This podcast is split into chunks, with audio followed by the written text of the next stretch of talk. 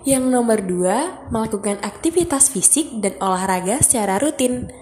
Pada saat pandemi seperti ini, menjaga daya tahan tubuh dengan melakukan olahraga rutin hashtag di rumah saja bisa dilakukan di dalam rumah maupun di halaman rumah.